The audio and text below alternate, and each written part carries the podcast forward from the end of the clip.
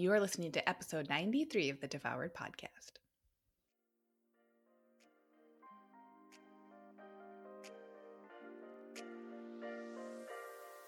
Welcome to Devoured, the podcast for women ready to release the title of Dieter for Good. I'm your host, Lucia Hawley, and I'm a certified nutritional therapy practitioner with my master's in social work, clinical mental health.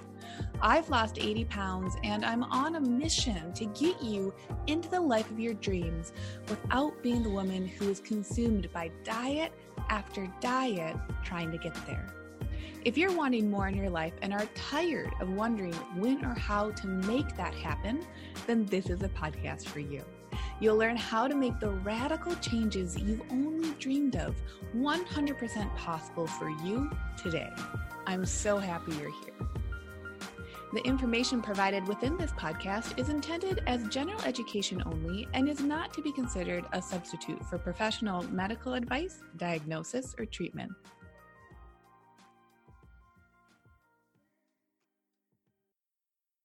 Hey everyone, I am coming to you from week, I don't know, of quarantine.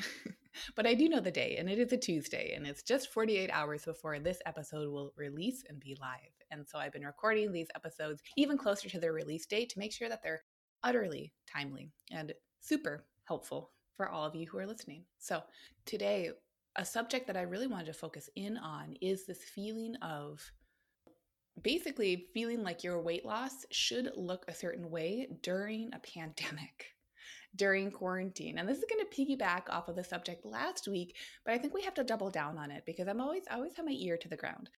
Both in the Lean and Liberated coaching program, right, with all of my clients, but also in the other communities and like social bubbles. Even if we're not literally being able to be social with other people, we still can have uh, fewer IRL experiences and more online experiences with one another. So, a lot of the social circles that I'm in, health and wellness circles I'm in, are all online. That's a lot of how I have been able to connect with people. The beauty of technology is that this online platform allows us to check in with one another, see what trends are occurring, see what some collective thoughts are. So, as we are in week, maybe it's five, six ish of quarantine, a collective thought that is coming up for the people who are in the community of people who are wanting to lose weight. Okay, this might not apply to you, and that's okay. It might totally apply to you. That's okay. It might apply to you right now, might apply to you in two years, maybe applied to you five years ago.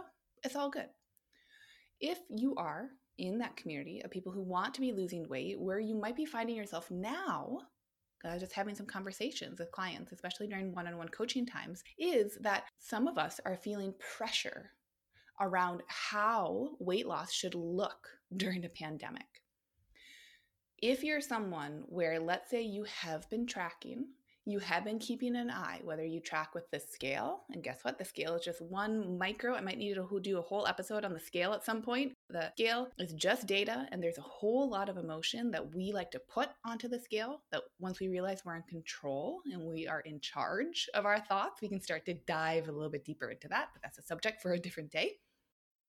Maybe you're just tracking by how your clothes are fitting. Maybe you're tracking simply by how you're feeling Maybe you're tracking by which habits you're showing up to right now in quarantine. Maybe you're tracking by taking a break from all of that and providing space for yourself, regardless of how you are aligning with your values, which is how we get anything done that we actually want to do, is that we are in alignment with our values.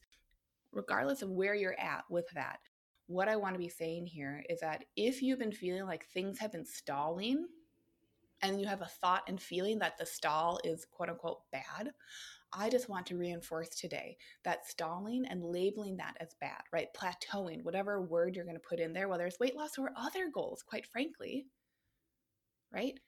So many of us, especially Lean and Liberated, one of the big principles that we're learning is that how we do one thing is how we do most everything. So if you've been stuck in the dieting cycle and that's how you've been trying to lose weight, there's probably now a reinforcement that how you should do X, Y, and Z other activities beyond weight loss should occur in the same way with a dieting mentality. That's what we have been training our subconscious mind to do, right? Oh, in order to accomplish this big task, I have to work harder and harder and harder. And if I don't, then I'm being lazy. and if I'm being lazy, that must be bad. Therefore, there is one good way to do things, and I default to the bad ways. Therefore, I'm bad. That's a subconscious thought. We don't even have to be thinking that in order to be showing up to these habits and rituals and ways of doing things that leave us feeling like we're always less than, especially if we don't hit that goal. Catch what I'm saying? So, when we're chatting about weight loss, yeah, we can chat about tactical ideas, like practical ideas, the tangible, but weight loss is always just a lens into how else we are navigating our lives, which is why I love focusing on it. Not only because we get to, we are allowed to, but that we are allowed to lose weight in a way that is liberating and that can be a brand new experience. Okay? Just want to put that out there. So, because of this brand new experience, because of however you might be tracking or noticing or deciding that you are in a plateau or that you are at a standstill or that there's a lull with your progress towards your goals, I want you today to get really curious. Is that true? Is that true? Because some of the conversations I've been having in Lean and Liberated especially in a crisis when stress is heightened across the board, even if we're someone who's managing privilege, right? Even if you can still be stressed out and have privileges, you can hold both of those realities, okay? So, if we're experiencing more stress, I really want you to get curious because one of the principles we learn in Lean Liberated is that for a lifelong weight loss, it has to come from a place that isn't just doubling down on more and more stress. Dieting cycle loves us to lose weight from a place of stress because that means that we rebound, we bounce back, we binge, we don't feel comfortable restricting our foods for forever, and nor should we, exactly, right? So, in order to lose weight for life, we have to flip the script on our relationship to our stress. We have to start to understand that if we want to be motivated to lose weight for life, if that's one of our own goals, if that just is what it is, then we have to understand that we're going to need to do the work of our relationship to our stress. And this quarantine is ripping the band aid off and it's showing us, you know what? Fat loss, weight loss may actually naturally move to the back burner for a few weeks because stress levels might be off the hook. they might be off the chain right now. How we're sleeping. It might be really different right now. We might not be sleeping as much.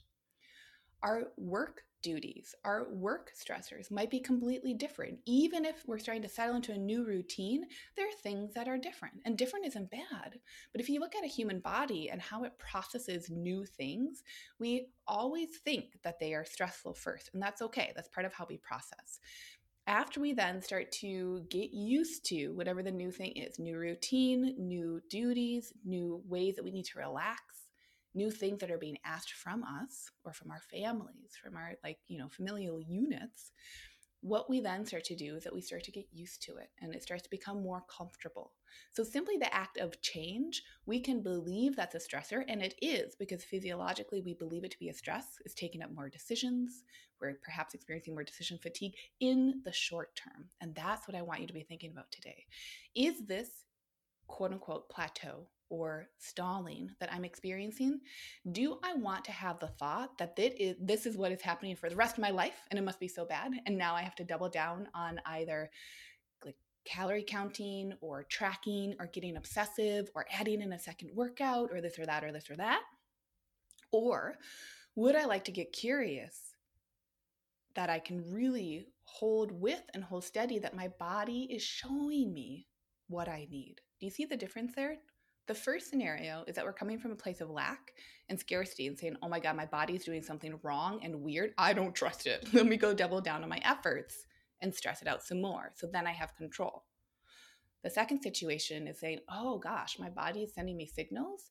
And if I'd like to listen, I can. And as I listen, I start to hold hands with my body and I start to come back into my body and I start to realize that I can trust it and I can trust the signals because my body is strong and capable and here to support me.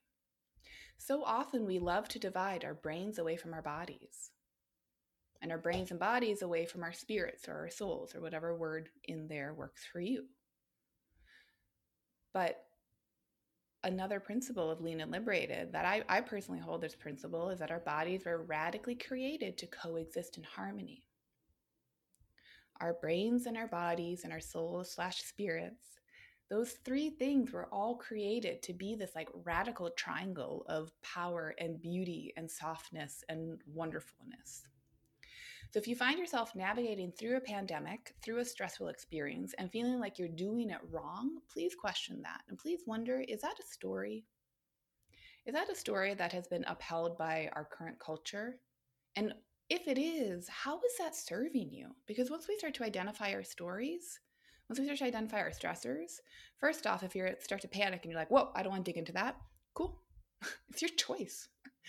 A lot of life is choice where we come to, what we're given, that's not choice. There's luck, there's randomness, and then there is choice. And I think that's really important right here. So if you're someone who's navigating and you're starting to feel bad or you're starting to slip into these old mental habits of saying, I'm not doing enough right now, I'm not being good enough, I'm not moving towards my goals, I'm stuck, I'm stagnant, I'm at a standstill, I'm plateauing. you got to get curious. Let's say that you are the person who has been, you have a goal of weight loss and you've been maintaining a certain number, whether it's body fat percentage, whether it's the scale number, whether it's how your clothes are fitting, however you're going to track it. But let's say that you've been maintaining. Get really curious right now. Is that a negative thing? Well, your body is under this great duress from circumstance and from context. Is it bad that your body has been maintaining and holding steady? Or is that how your body has been able to support you as stress levels have risen? As the things that we thought we had control over have been definitely shown to us that we don't have control over them. What is it exactly that is making you feel like this is a bad thing? I think that's a really important conversation because if you think that a plateau is a bad thing, your actions because of that plateau afterwards, what that plateau then informs and what you choose to do can be radically different. Because if you believe a plateau to be a good thing or a neutral thing, a wildly different mindset, my friends, than a plateau being a bad thing. And in diet culture, diet land, we love to have them be bad. Oh my God, the thing stopped working. Oh my God, my body adjusted. Oh my God, this means this or that about my metabolism. OMG, OMG.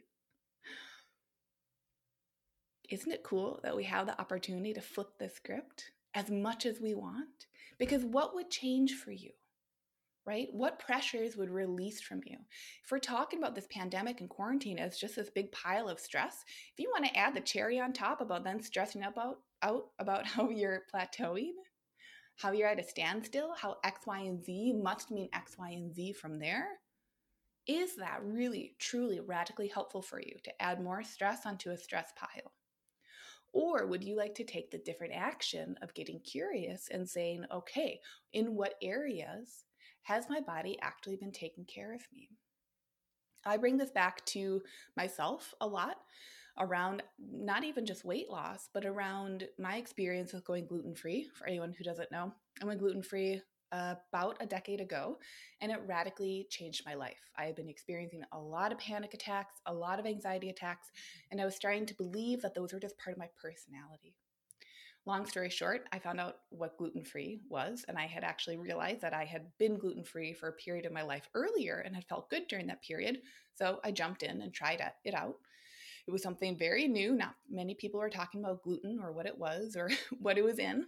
And within two weeks of going gluten free, the panic attack stopped, the anxiety attack stopped.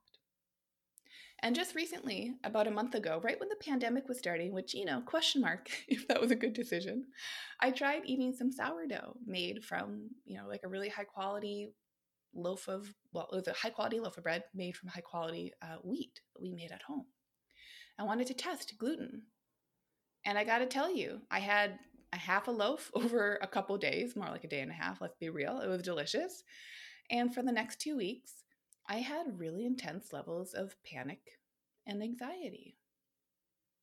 Now, here's the thing if I were to beat myself up about that experience and why my body can't quote unquote eat gluten, I can eat gluten. It's fine. I can eat yeast products. It's fine. That's another one of those foods that are triggering for me personally.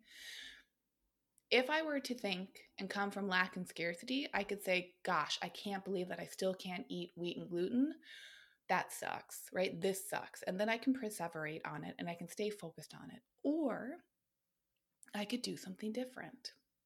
Because a decade ago, it changed my life for the better by excluding one food option from a whole multitude of food options, I could be in charge of how I felt. I had the opportunity to recognize that it was not my personality to have anxiety. It was not my personality to have panic attacks. It was not my personality to have to manipulate my life around those, to manipulate situations so that I would not experience what would then provoke panic and anxiety. I felt more freedom. And if we come back to my experience a month ago, same thing. I could double down and say, oh, I can't believe I still can't eat wheat and gluten. I'm missing out. Or I could say, wow, look at what I do get to be in charge of. How beautiful that I had an experience of intense panic and anxiety for about two weeks during a crisis in a quarantine. How cool that I know that I can both handle that I can ride the waves of it. I can be in that sea. I can navigate through those stormy, stormy waters. And I can also continue to make choices that serve me best. Not serve me in the best way, but that serve me and my values the most. I think that's a powerful shift. And I know that I just used a food or like a protein in a food as an example there, but it, it just holds so steady for me personally that I felt compelled to share that.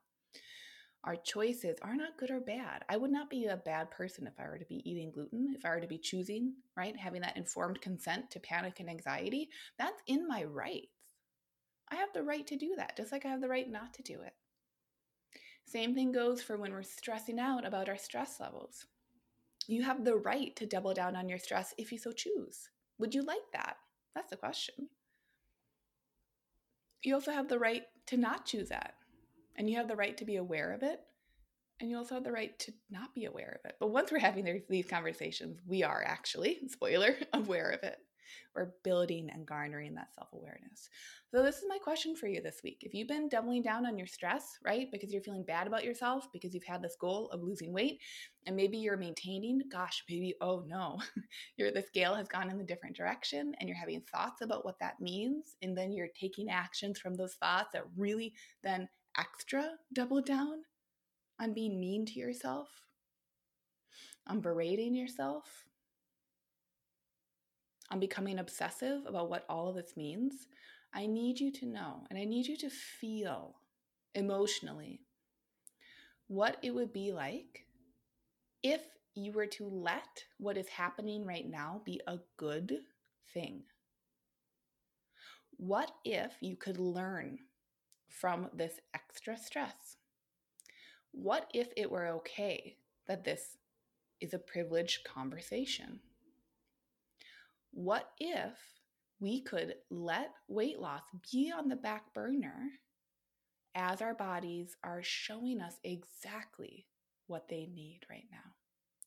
What if your body has been radically taking care of you this entire time? What if all of that were to be happening? What would change? How does that change energetically in your body? What do you feel These are the questions that are available to you 24 7. If you've had a shift in this last 18 minutes, you provided that to yourself. I said some words on this podcast, but you chose to show up to listen to it. You chose to listen to it while you're going on a walk or while you're doing the dishes or you're just hanging out in bed, whatever you've been doing. And listen to a podcast wherever. You made the choice to show up to that. So I want you to get curious this week even if decision fatigue is feeling really high and heightened, get curious what choices have I been showing up to and what have I been deciding to think about those choices? Because as soon as you recognize that you've been deciding to think something, you can then get curious would I like to think something else? Or would I like to continue to think this thing that I have subconsciously come to because our automatic thoughts are typically coming from the subconscious because they've been habituated. And so, any work in changing our mindset in order to continue to pursue a goal that we set for ourselves, usually nine out of 10 times, what that means is that we get to simply become more self aware of the habituated thoughts and we can start to gently shift over. Gently shift over again and gently shift over. That gentle shift over, that's actually the work. That's always the work. It's the gentle shift over, and it's trusting. Bringing our minds gently and just that gentle shift over. That is the work. And if we allow that to be the work, even in times of more duress, even in times of stress, and we allow that gentle shift to be radically gentle, I think what you're going to find is so much more room for play I think you'll find that your stress gets to not be one more thing to deal with, that it actually gets to be one more thing to explore if you would so like. And so while we're under quarantine in a pandemic, if you're listening to this episode later on and we're beyond this current pandemic of 2020, it still is a beautiful invitation to ask yourself how am I thinking about my stress? How am I thinking about my weight loss? what are those default thought patterns and how cool that they're being revealed to me right now. And now that I know that, what would I like to do? What am I feeling really great about that I'll continue on? Where can I get more curious? That is the invitation that we have this week.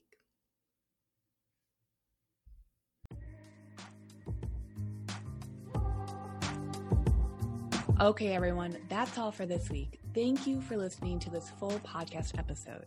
If you want more of this information every day instead of just one podcast episode each week, consider coming over to Instagram to hang out with me. I'm Lucia Hawley underscore over there. That's L U C I A H A W L E Y underscore. And one more thing before this episode ends please consider leaving a review of Devoured on iTunes so we can keep spreading the word. And together we can offer this free education, empowerment, and liberatory nutrition principles that will change more lives. If you're someone who likes to empower other people, then please consider sharing this podcast with friends and family. And by leaving a review, it makes a world of difference.